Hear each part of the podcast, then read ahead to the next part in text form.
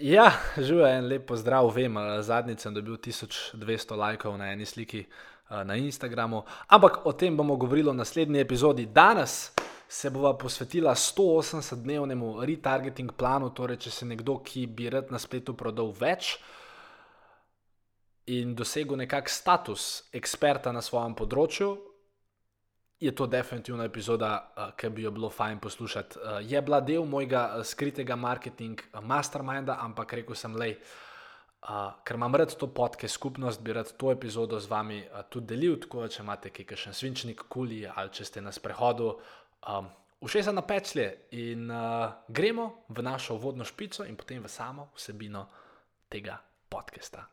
Džuro, gas. thank you Dobrodošli v podkastu podjetniške skrivnosti. Moje ime je Filip Pesek in to je edino mesto v Sloveniji, ki združuje tri najbolj pomembna področja vašega poslovanja: mindset, marketing in prodajo. In tukaj sem zato, da vaše podjetje, produkt, storitev oziroma idejo spravimo na nivo, ki si ga zaslužite.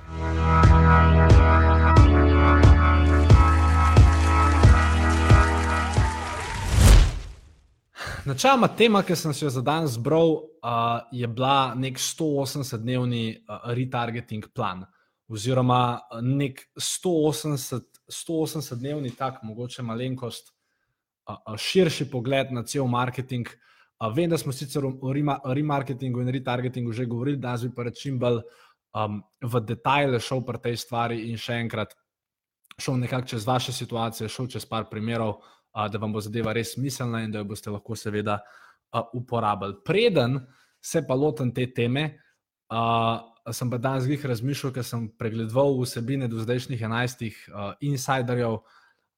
Sem si rekel, wow, koliko enih stvari se je pravzaprav spremenil v zadnjem letu in verjetno z vami, in verjetno z mano, in v marketingu nasplošno. Ker ko sem danes recimo šel čez zapiske prvega webinarja, sem videl, da mogoče stvari, ki so delovale takrat, danes niti ni več nujno, da delujejo. In uh, glih to je poanta v bistvu marketinga, oziroma tako specifično, ker smo se mi v tej skupini lotili nekih algoritmov, pa Facebookov, pa oglasov, pa, pa nastavitev. Uh, te stvari se pač spreminjajo. Ampak tista neka, da imamo temu reči, um, uh, konceptualna znanja, tiste neke strategije, razumevanje samega kupca. To je pa pravzaprav bilo enako že 100 let nazaj, bilo je enako že 300 let nazaj, je enako danes, kot je bilo na začetku leta, in bo verjetno enako še naslednjih 50 let. Da ne vas ne zmere to, če se načama te tehnikalije in vse te stvari, nastavitve na raznih socialnih omrežjih, na raznih kanalih spremenjajo, ker konec koncev marketing po srcu je pač vedno isti. Torej, predstavi kupcu problem, uh, dopovejmo, da ima ta problem, potem pa predstavi rešitev za ta problem. Tako da, dajmo zdaj na ta uh, uh, 180-dnevni retargeting plan. Še enkrat, z tiste, ki ste z mano, če ima kdo kaj posebnega, če ima kdo kakšno vprašanje, let me know in the comments. Uh, in čakaj, sem se meni to odpre. Evo ga, super. Dajmo začeti. Vprašanje seveda je, ko govorimo o tem retargeting, kdaj se sploh fokusirati na retargeting. Načeloma je tako, da je zelo nesmiselno, da se ukvarjate z retargetingom, dokler ne izpolnite ene preproste zahteve oziroma enega preprostega pogoja. In ta pogoj je, da imate na teden približno 300, ajde, od 250 na vzgor obiskovalcev na neki vaši landing strani ali pa na vaši spletni strani. Skratka, na spletni strani, kjer je predstavljena neka ponudba. In če ste slučajno na točki, ki mogoče še nimate 250 obiskovalcev na tej na spletni strani, ni problema, lahko vsem pogledate ta webinar, ko boste slej, ki prej, ko boste na polno zaštartali oglase, ko boste najdli tisto zmagovalno kombinacijo. Da bo pa kar naenkrat retargeting postal potreben, oziroma da bo pač postal nek način, s katerim lahko maksimizirate svoj prihodek in, in celoten koncept.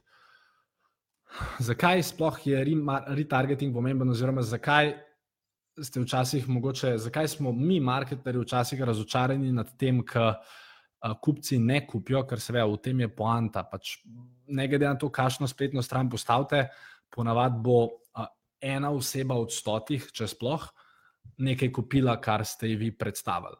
Sicer so primeri, ko bodo tri od stotih nekaj kupili, ampak ko gre za neko denarno izmenjavo a, a med vami, oziroma med potencijalnimi kupci in vami, pač kot veste, kot smo že letos govorili, lahko pričakujete tam nekje okrog en procentno konverzijo, če sploh. In, in v bistvu do zdaj nisem še nikoli govoril o tem, zakaj do tega pravzaprav pride. Uh, ker, ko enkrat razumete, zakaj do tega pride, lahko tudi seveda to v marketing smislu nekako obrnete v svoj prid, oziroma probate ta en procent ali ni cela pet procent ali kako koli že je, izboljšati. Ker poanta je, da kupec načela niti nima problema s tem, da vam vaša ponudba ne bi bila všeč. Ker če je prišel na vašo spletno stran nekaj, ga je itak zanimiral, torej nek razlog obstaja, zakaj je on tja prišel.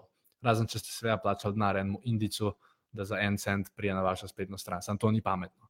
In če so ti ljudje prišli na spletno stran, ponavadi ne naredijo tistega, uh, kupi zdaj, unesi kartico, vem, naroči pač tistega zadnjega koraka, uh, ponavadi ne naredijo niti ne zaradi vas, mislim, ja, zaradi vas, ampak pravzaprav zato, ker glavni problem, če ga nekako pogledamo, ki je prisoten v vseh branžah, je ta, da je kupec enostavno nesiguren.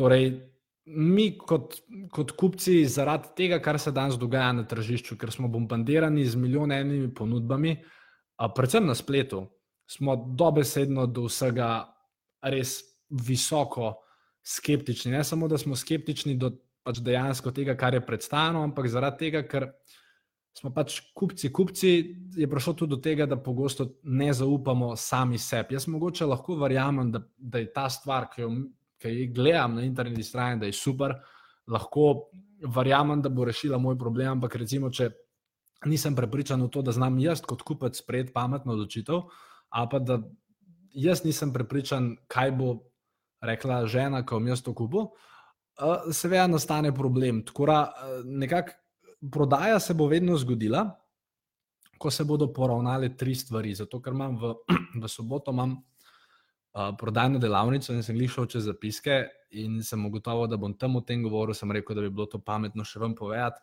Uh, ker kupec je nesiguren zaradi enega izmed teh treh razlogov. Ali ne zaupa Mislim, ko govorimo seveda o kupcu, ki, da ima reč prvič kupuje prva, kar je tako, tako bistveno, ker pa kaj enkrat kup, je zadeva tako, tako dosti laže. Ampak kupec, ki še nikoli ni od vas kupil, je načeloma tako, da ima tri skrbi. Ena skrb je ta, da ne zaupa vašemu podjetju, torej ne, vas je pač prvič videl, Filip Pesek. Ja. Kdo je to, Filip Pesek? Kva, kva? Kdo je to? Ja, ne bom. To je prva opcija. Druga opcija je, da ne verjame, da bo vaš specifični produkt. Aha, le tega, če kdo, kdo je Filip Pesek, če kaj pa prodaja Aha, rdečo samohodno kosilnico. Uh, pf, ne, nimam vrta, ne, to ni za me. Torej, drugi problem, ki ga ima ponovadi kupec, je ta, da um, ne verjame v to, da bo vaš produkt rešil ta njegov problem. In tretji problem, ki nastane, Torej, ne samo, da ponovadi ne verjame v firmo, ne samo, da ponovadi ne verjame v to, da bo vaš produkt oziroma naš produkt rešil njegov problem, ponovadi ima težavo tudi s tem, da ne zaupa sam sebi. In tukaj prejemo pa do res velikega problema, oziroma kot bi rekli, novodobni koči, da jim o tem reči, izziv. In ta tretji izziv uh, ima nekako dve komponenti, uh, ki bi jih rad uh, vam danes predstavil. In sicer, zakaj kupec ne zaupa samemu sebi? ena stvar je seveda tista, ki smo jo prej omenili, ker je pač enostavno njegova glava preveč polna, ampak gre se za dve stvari. Pač tujke sta, lahko si jih napišete. Ena stvar je, um, temu se reče pain, P-A-I-N, torej bolečina, pain, uh, pa druge besede pa ne znam, uh, temu temu reče termostat. Bole, mater je to čujem prevod. Temu temu reče bolečinski termostat. Po mojem bo smiselno, bolečinski termostat. Zakaj? Ker fora je, Verjetno ste že vsi slišali tisto zgodbo o, o gospodu, pa o psu, pa o še enem gospodu. Oziroma, mislim, da so bili trije, da moramo reči, da so bili trije gospodi. In gre sta dva gospoda, mimo enega gospoda, in un, un gospod se tam ziba na verandi, da, da, da, da, pač. Ziba se in tam zraven njega je njegov pes. In ta dva človeka hodita mim, prvi dan in um pes sedi zraven gospodarja in tako malo jamra. Mm, mislim, da je fusla, bo sem to pokazal, ampak pač pes jamra, torej sedi na tleh in jamra. In ok, ima dva človeka, ki gresta mim, si misli, da okay, pač pes jamra v redu, nekaj je očitno narobe, ampak se ne ozirate na to. Pa gresta drugi dan mim, un sta star se še kar guga, sploh ni šel noter, ker tam je prespal. In uh, ta pes še kar jamra. Uh, in ima dva zdaj že tako čujem gledati, čak, vas zdaj ta pes jamra, ok, da je pust, da tega psa gre naprej. In tretji dan, pač zgodba je bizarna, ker ne vem, zakaj bi ta dva človeka skozi hodila okrog iste bajte, ampak pustimo to. No, in ta dva človeka spet prijeta do tega gospoda in do tega psa. In um pes, in um pes zdaj spet, že tretji dan zapored tam sedi na miru in uh, jamra. In pol ta dva, ti dve osebi čez norita in vprašata mu ta starega, da je, kvaj s tem tvojim psom, kvaj se od cajt jamra. In prav ja, veš, na žeblu leži, sam ga ne boli dost, da bi se premaknil.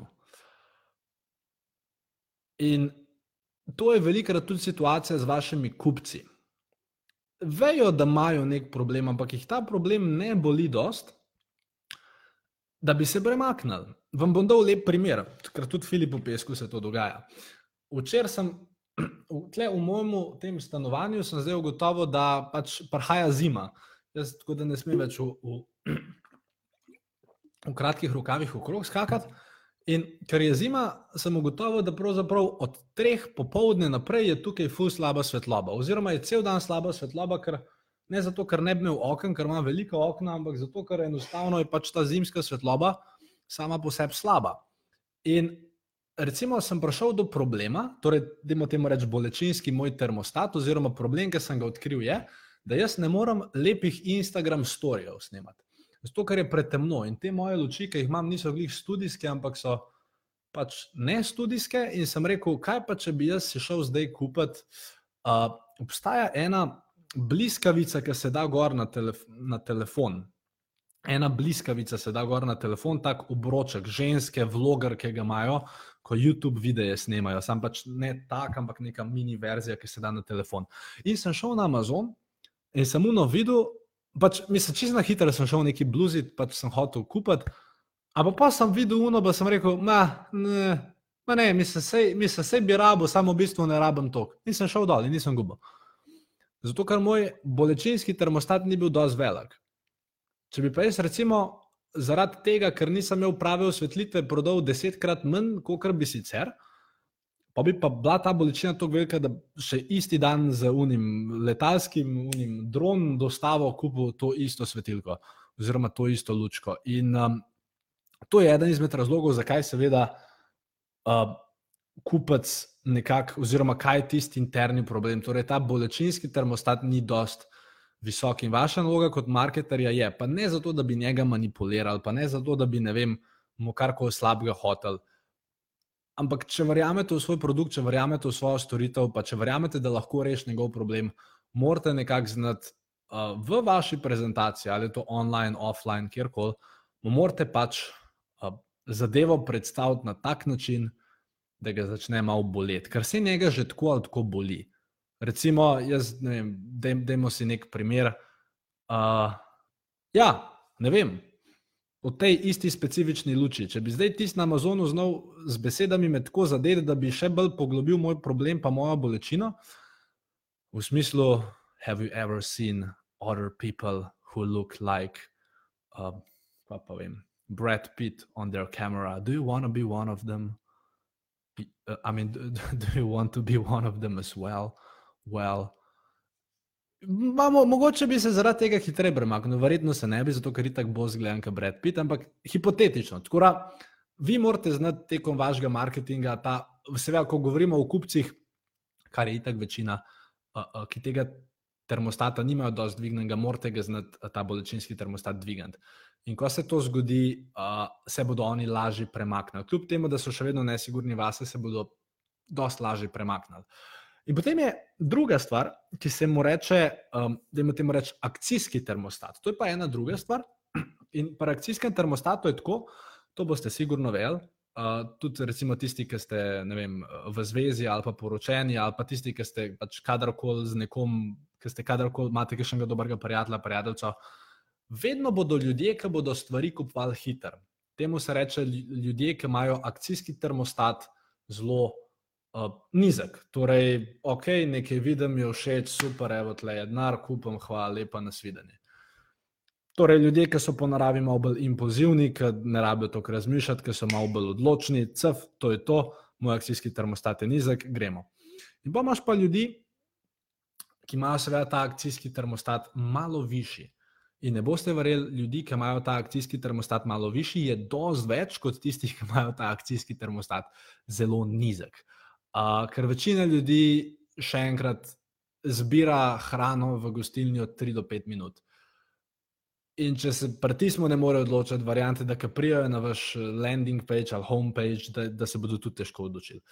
In vaša naloga je, seveda, s tem, da boste vi nekako povečali ta pain, oziroma ta, to njegovo bolečino, ali pa nekako poglobili njegov problem, uh, potem se bo seveda hkrati tudi ta akcijski termostat znižal, ker nekako človek hoče tako ali pa drugače rešiti svoj problem. Uh, No, ampak kljub temu, tudi če vi recimo ta akcijski termostat, uh, oziroma tudi če vi ta njegovo bolečino poudarite, pa ga razumete, pa mu predstavite rešitev, pa da on to rab, pa mu date vse izjave strank, 100% garancijo, 200% garancijo, ne vem kaj. On verjetno še vedno ne bo kupil, ker še enkrat en od stotih nekaj kup ponavadi. In tukaj pride v igro retargeting. Ne zato, ker bi kupec prišel na vašo spletno stran in rekel: Oh, fuj, oh, kakšen bednik, adijo. Ne zato. Pa zato, ker je on tja prišel, se je rekel: Wow, hudo, zanimivo, a, ampak. Jo, ta moj akcijski termostat, jaz ponavadi to malo. Ne, na, dej, kaj je žena, da je mo... ne, bomo pol, zaprej in gre dol. Ok, nič narobe. Njegove podatke ste dobili. A ste dobili ga v Facebook Pixel, maila vam verjetno ni dal, tako da ste ga dobili v Facebook Pixel. Ok, super, on je v Facebook Pixelu. Je prišel na vašo spletno stran, ni važno kako, ali prek organskega iskanja, ali direktno, ali prek priporočila, ali zaradi uh, nekih Facebook, Instagram, YouTube oglasov, on je prišel tja, kar pomeni, da je tako ali pa drugače zainteresiran. Maš tudi ljudi, ki kdaj zaidejo na kakšno spletno stran, ampak teh je zelo malo. Pač ljudje so prišli na, na vašo spletno stran z nekim namenom, nekaj jih je tam pretegnil. Torej, so, da imamo temu reči, potencijalni kupci. In seveda, zdaj je pametno, da se mi tega retargetinga nekako sistematsko lotimo. Zdaj razumemo, zakaj, pa kako. Oziroma, najprej se jim vprašati, kdaj. Recimo, ko sem govoril o 180 retargeting planov, se morate tudi vprašati o specifiki vašega posla. Recimo, včeraj Zdaj imam glih kosila z vsemi ljudmi, ki so kupili uh, mojo legendarno kolekcijo. To je program, ki je stane Jurija, za rojsten dan je stal 500 evrov, zdaj se stane Jurija. Ampak tisti program, kjer dobite vse moje vsebine, plus kosilo z mano. In s temi ljudmi zdaj hodim na kosila. In je v bistvu prav fajn, spoznam njihove izzive, rešujem njihove izzive, itd. Pa še najem se, pa še oni se najejo. In, oh, shit. In um, Zanj, oziroma mislim, da je bilo to včeraj, sem sedel z enim um, mladeničem, ki prodaja darila za novorojenčke. Uh, pomislite z mano za trenutek. Darila za novorojenčke. In moje vprašanje vam je, ali se splača to osebo retargetirati 180 dni osebo, ki je prišla na spletno stran za darila za novorojenčke. Zdaj, posebej po vsej logiki, ja, dobro, vse pesek nam je rekel, da moramo to follow-up delati forever, mislim, kar je res. Ampak ne velja za vse primere. Ker v primeru daril za novorojenčke več kot tri tedne nima smisla obletavati tega človeka. Zakaj? Zato, ker panoga, kot so darila za novorojenčke, je uh, impulzivna panoga. Torej, jaz sem prijatelj od nekoga, ki je dobil dojenčka, šit, rabim darilo. Na Google bom napisal darila za novorojenčka. In jaz, če sem prišel na spletno stran tvojo, ki prodajaš darila za novorojenčka, ja, če nam od tebe kupil, bom verjetno v naslednjih treh dneh od nekoga nekaj kupil. Sigurno ne bom šel reči 180 dni od nekoga nekaj kupil, ker pa luno noveč novorojenček, ampak bo že pol leta star otrok. Tako da, vprašajte se najprej, če je sploh smiselno v vaši panogi, pa glede na to, da več ali manj vem, kaj večina izmed vas dela, seveda je, prvs skoraj 100-odstotno, glede na ljudi, ki jih imamo v skupini, je to smiselno narediti, ampak če slučajno, ne vem, mogoče sem koga pozabil ali pa se v kjer primer nisem dosto živel, najprej razmislite o tem, ali je smiselno neko 180-dnevno strategijo voditi. Če je odgovor da, v redu, pol jo dejte. In zakaj bi to sploh delali? Ja, najprej zaradi tega, kar smo prej rekli, kot drugo pa zato, ker nekdo, ki je že izkazal interes, torej vi ste mogli plačati, verjetno. Mislim, edin, če ste ga dobili organsko na spletno stran, ampak plačali ste tako ali pa drugače. Če ste recimo nek bloger, ste se mogli full matrati, da vas je on opazil, in zdaj vas je opazil in je prišel k vam in vas vsaj slišal je za vas. In tega istega človeka boste dosti lažje nekako aktivirali in ga eventualno pripravili do nakupa, kot pa človeka, ki za vas sploh še nikoli ni slišal. Ker ta, ki je za vas vsaj že slišal, je sam pri sebi potrdil, da ima problem, drugače ne bi bil na vaši spletni strani, pozna vas tako ali drugače. In z njega boste dosti cenej, eventualno lahko konvertirali kot nekega novega kupca. Tako da to bi bil nekako drugi razlog. In tukaj morate razumeti še eno stvar. In sicer, kdo pride na vašo spletno stran, oziroma od vseh teh kupcev, na zdravje, če imate kakšno vodo, uh, jo spite tudi vi, ker je dobro za uh, hidracijo um, celega telesa. Ker catch je v tem, da kupci na internetu spadajo, oziroma ne samo na internetu, ampak kupci povsod spadajo v pet različnih kategorij. Uh, če bi imel tablo zadaj, bi narisal piramido. In pa tako, ki bi narisal piramido, bi verjetno naredil nek vic o piramidah, ampak zdaj ga ne bom. Torej, dajte si predstavljati trikotnik. Upam, da no to kdo izrezal ven iz konteksta. Predstavljate si trikotnik in torej, pravi trikotnik. In kaj, na vrh je zdaj oska, spodaj je široka. In zgoraj na vrh je približno je zelo majhen procent ljudi, ki katero koli stvar, pa, pa le, da imamo vzeti, ne vem, istok, ne vem, če si tle, ampak da imamo vzeti od istoka magnezijovo olje. Da imamo danes govoriti o magnezijovem olju, sem se jih nad, nad magnezijom navdušil. In da imamo reči, da istok, uh, oziroma da obstaja približno ne vem, če pogledamo Slovenijo, pa bi 3% je že veliko, ampak dajmo reči, da je, da je 3% ljudi zdaj, v tem trenutku, obstaja 3% ljudi, ki točno zdaj, ta teden, so se odločili, da oni rabijo neko olje oziroma neko rešitev za njihove sklepe, počutje, whatever. Ampak teh ljudi, trenutno ta teden, če vzamemo celo Slovenijo, je 3%. Pa prosim, ne mi zdaj reči, ja, ampak kaj pa če smo 14. novembra, pa govorimo o gumah, takrat je več kot 3%. Ja, ok, to je ekstremen primer. Ampak če govorimo o neki taki generalni stvari, ponavadi je 3% ljudi, ki nekaj kupujejo zdaj. Mogoče ne točno vašo rešitev, ampak nekaj v vaši branži. Točno recimo ta teden se je verjetno 3% slovencev odločil, da bo slušal. Tam okrog 3%. Potem imate od 6 do 7% ljudi, ki so odprti do ideje. Aha, Torej, ja, mi je že zančuna rekla, da bi nekaj rabu, da se namažem za te moje sklepe. Ja, ja to se mi to se sliši kar zanimivo, tole bi pa jaz zdaj le v kratkem imel. Ne zdaj tako, ampak da enkrat v kratkem. To je približno 7% ljudi. Torej, 3% imaš odike. Zdaj, zdaj kupujem, danes ali pa jutra rabam rešitev. Imáš 7% ljudi, ki so približno odprti do te neke ideje. Pa imaš pa 30% ljudi, ki trenutno ne razmišljajo o tej ideji. V smislu, čakaj, kaj on danes jedo, pečenko ali makarone. A ne, čakaj, ne, babi bo solato naredila, bom solato. Torej, 30% ljudi razmišlja čisto o nečem drugem. Potem imate pa 30% ljudi, ki, so, ki se jim zdi, torej oni glih tako razmišljajo o nečem drugem, ampak poleg tega pa so kar prepričani v to, da jih to ne zanima.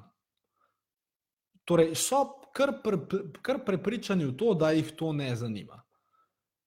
Ja, le, mislim, vse, ne, te kreme, jaz mislim, le, jaz mislim, da to ne bi bilo za me. To je 30% ljudi. In zdaj nam ostane samo še 30% ljudi, ker najprej smo imeli 3%, pol 7, pol 30, pol 30 in še zadnjih 30. Zadnjih 30% ljudi so pa ljudje, ki vejo, da jih to ne zanima. Ne, da so približno prepričani, da jih to ne zanima, ampak vejo, da jih to ne zanima. Ne, ja, jaz, pa neka olja, pa da bi se jaz neki mazal, ja, pa sti nor, pa da je ožica, peva rajš keglat. 30% to ni za njih. In kdo od teh petih skupin pride na vašo spletno stran? Če imate dober, dober sestavljen glas, pa če zadanete prave ljudi, itak. Pridejo ljudje, ki kupujejo zdaj, pridejo ljudje, ki so odprti do vaše ideje, pridejo ljudje, ki ne razmišljajo trenutno o tem, pridejo tudi, če imate dober glas, lahko pridejo tudi ljudje, ki se jim sicer zdi, da, tega, da jih to ne zanima, ampak niso se še čisto zaprli vrat. No, ta zadnja skupina, ki pa vejo, da jih to ne zanima, oni pa nojo nikoli brši na vašo spletno stran. Ampak, če zdaj teh 3%, pa 7%, pa 30%, pa 30%, torej skupaj 70% ljudi v teh štirih kategorijah, je smiselno, da jih vi na pravilen način retargetirate. Seveda, vi ne morete Facebooku reči: Facebook, zdaj pa ti targetiraj s tem oglasom, uneka kupujejo zdaj, uneka se jim zdi, da ne rabijo. Ne moreš tega narediti. Ampak moraš si zastaviti nek plan, ki je bolj ali manj fokusiran ne na tiste ljudi, ki kupujejo zdaj, ker tisti ljudje, ki kupujejo zdaj so verjetno kupili takrat, ko so prišli na spletno stran. Ampak na ljudi, ki so, torej, ki niti ne razmišljajo toliko o tem, oziroma za ljudi, ki se jim mogoče celo zdi, da jih to ne zanima. In kako boš to dosegel z retargetingom? Vam bom drugač to tabelo, mislim, da bom članek napisal po tem webinarju, pa vam bom pošel na blog, torej na filipesek.com slash blog. Vam bom prepel ta isti članek, tudi da boste imeli še vizualni prikaz, da boste mogoče lažje razumeli. In zato mi, ki smo delali retargeting kampanjo, pa ne samo za me, tudi za ostale naročnike, ki smo delali, smo ugotovili eno zanimivo stvar. In sicer čas, kjer lahko ti nekako efektivno in, in profitabilno, in hkrati tudi nekako okusno, uh, te kupce, ki so prišli na spletno stran, nekako spet prepraviš do tega, da grejo na spletno stran in kupijo.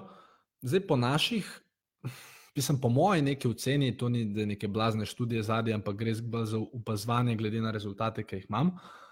Um, je fora, da približno en teden je smiselno kupce, ki so bili na vaši spletni strani, landing page, kjerkoli, en teden jih je smiselno direktno nagovarjati. Kaj to pomeni? Torej, tisti prvi teden, po njihovem obisku, to se da na Facebooku zelo enostavno naštemati, uh, jih lahko targetirate recimo z tipom oglasov, kot so: Hej, videl sem, da niste kupili, tukaj je 100% garancija. Uh, nič ne tvegate, kupite zdaj tukaj. Mislim, seveda bi to dalo lepše besede, ampak recimo, pol druga vrsta oglasa za teh prvih sedem dni bi lahko bila: Ej, živijo, moje ime je Jožica, naj vam povem svojo izkušnjo z magnezijovim oljem. Torej, da pač uporabiš um, testimonijal oziroma pričanje stranke kot retargeting. To je recimo drug tip glasa. Potem recimo tretji tip glasa bi lahko bil dejanski pitch iz druge smeri.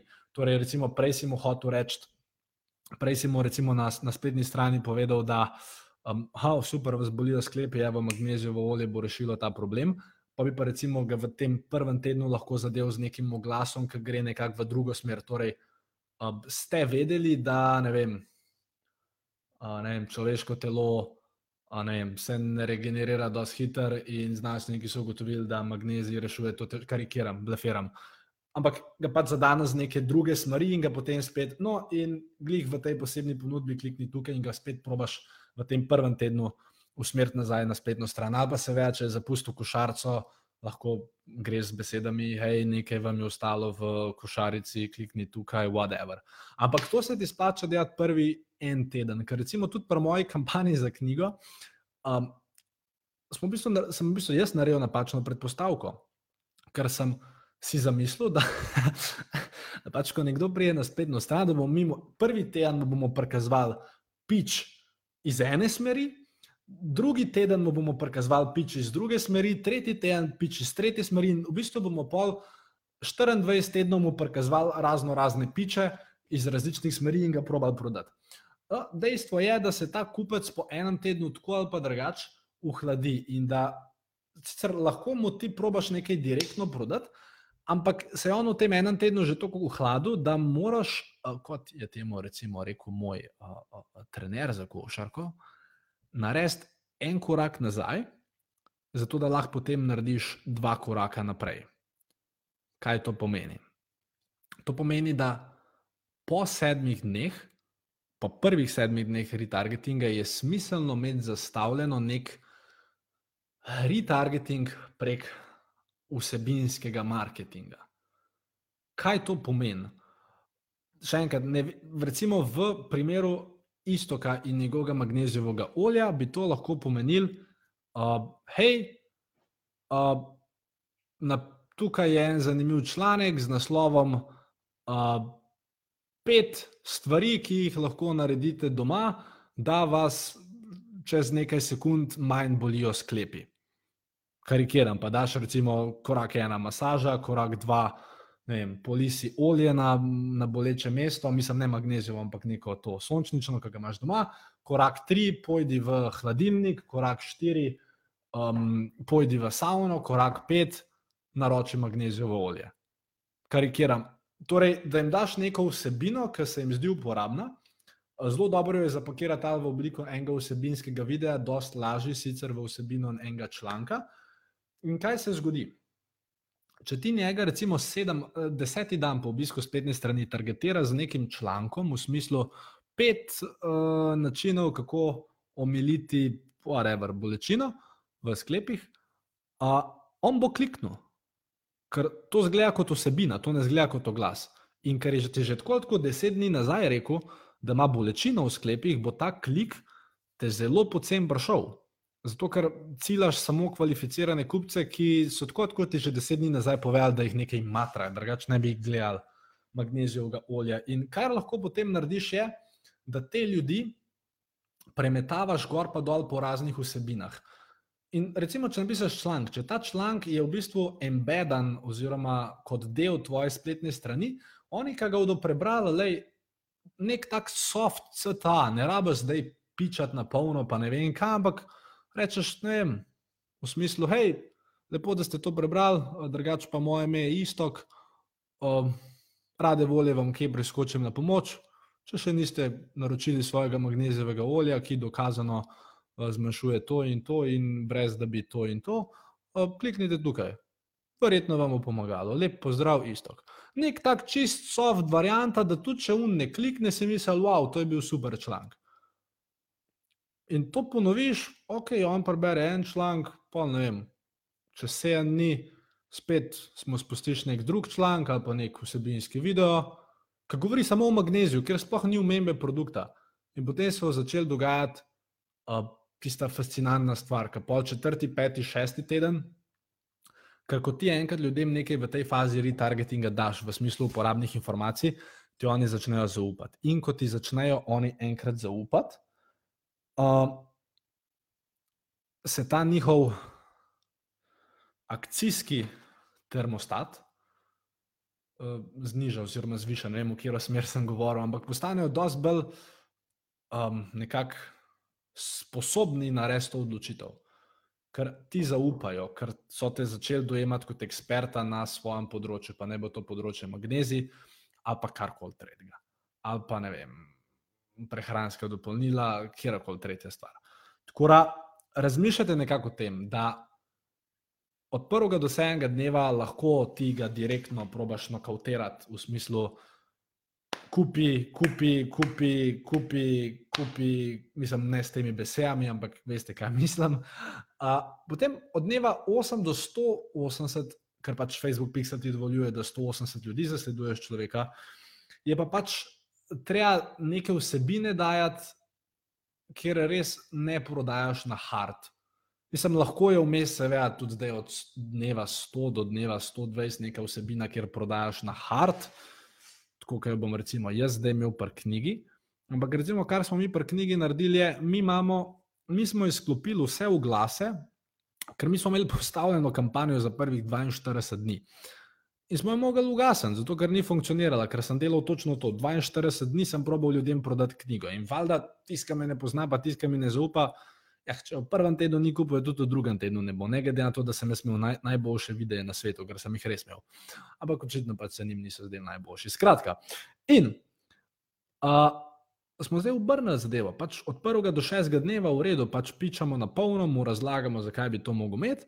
Pol od šestega dneva naprej ga pa mi lepo pobožamo, uh, se pravimo spoprijateljiti z njim, mu damo res uporabne informacije. Ne, ne, mislim pa dejansko, tudi če on od mene nikoli ne kupi, rad bi, da ima dobro mnenje o meni, rad, rad bi, da me dojema kot eksperta. Bo že čez tri leta nik od mene kupi, vse tudi taki ljudje obstajajo. Tkora, dejansko smo pa potem po teh prvih šestih dneh začeli z vsebinami. Od video vsebin, ki se mu prikazujejo, uporabnih, ne prodajnih, uporabnih, do člankov, do ne vem, kakšnih stvari.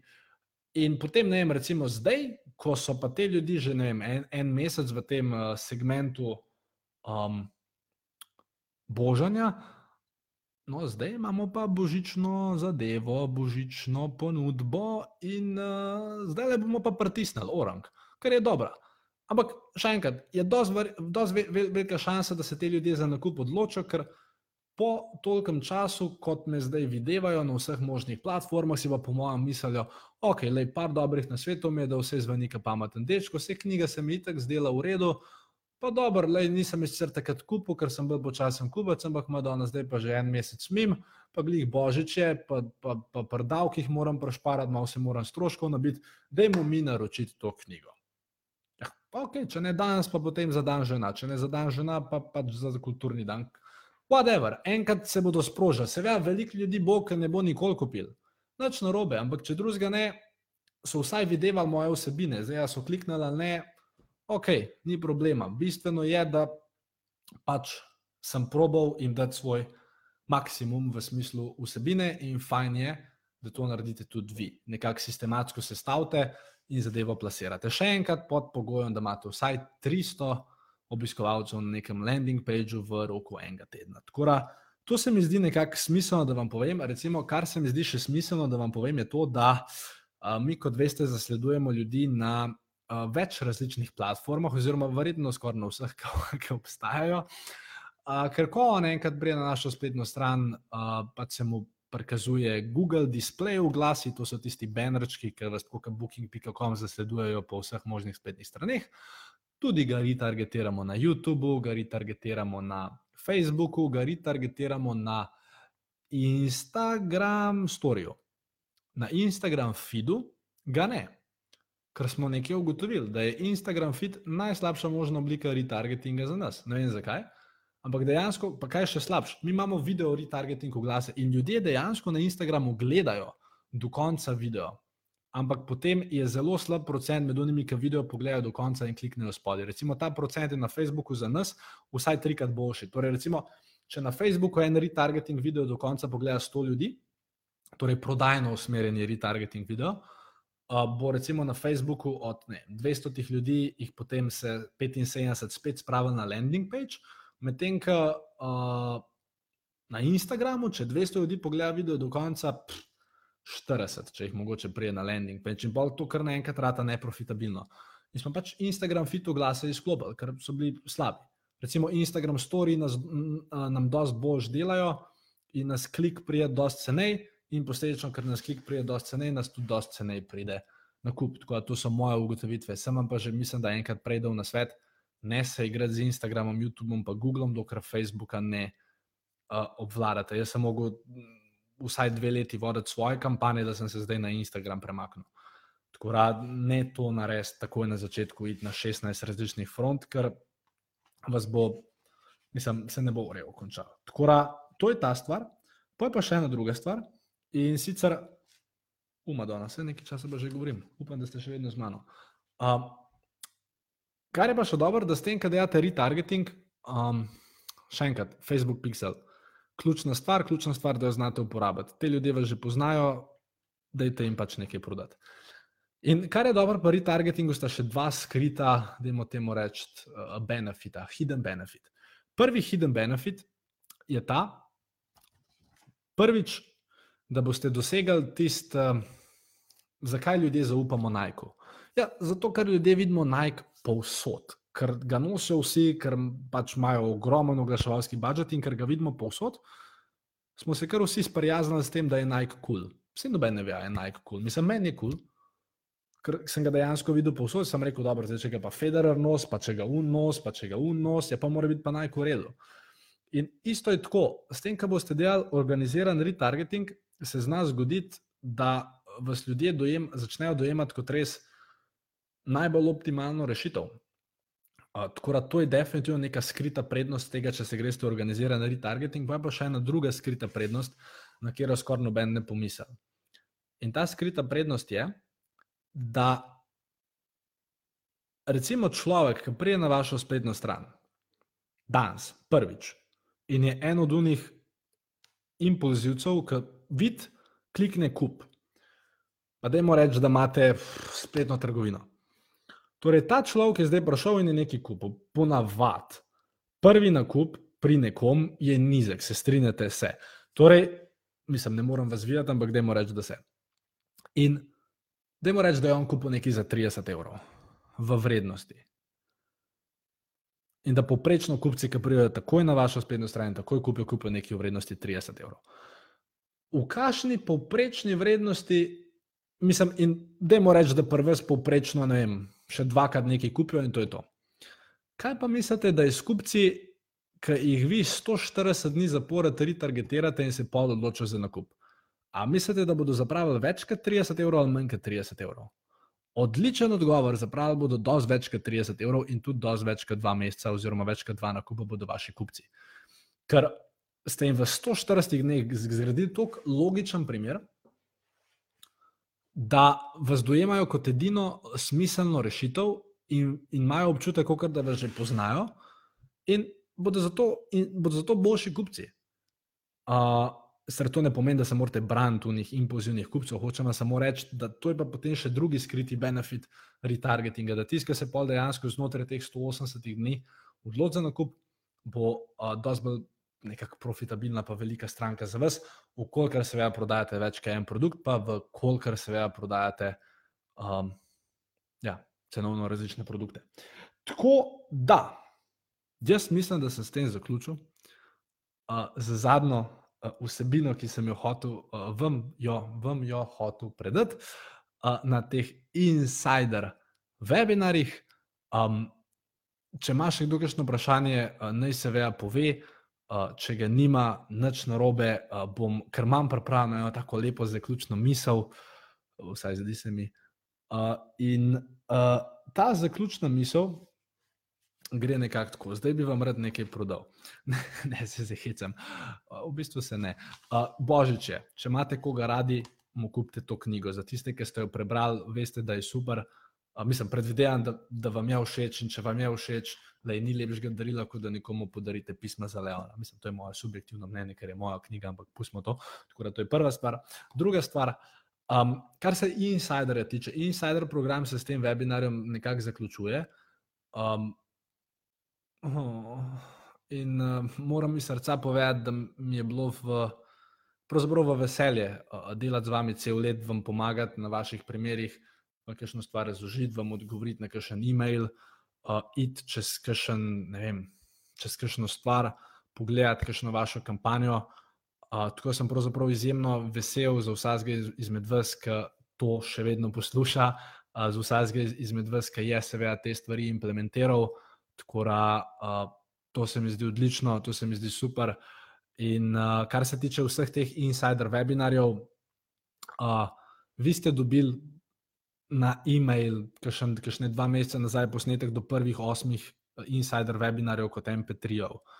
Uh, zadnji tri webinarje jih bom jaz še naložil na, na platformo, pa vam bom potem ob enkrat ob koncu leta stisnil e-mail pa bom rekel, da si lahko zlodate še ne vem, ostale tri ali pa vseh 12, koliko se jih še niste in lahko te stvari večkrat poslušate. Ali pa mogoče, če ste kakšen webinar zamudili, lahko tudi poslušate uh, tizga. Uh, tako da uh, jaz bom res naredil vse za to, da, te, da lahko te vsebine čim lažje konzumirate. In da se lahko iz njih seveda čim več naučite. Um, glede na to, da je marsikdo izmed vas tudi kaj drugega od mene kupil, super, uh, verjamem, da, da ste se ali pa se boste tam tudi veliko naučili. Um, E-maile vam bom z veseljem pošiljal, berite jih, lušni so, kaj še vmes je tudi prodajni, seveda.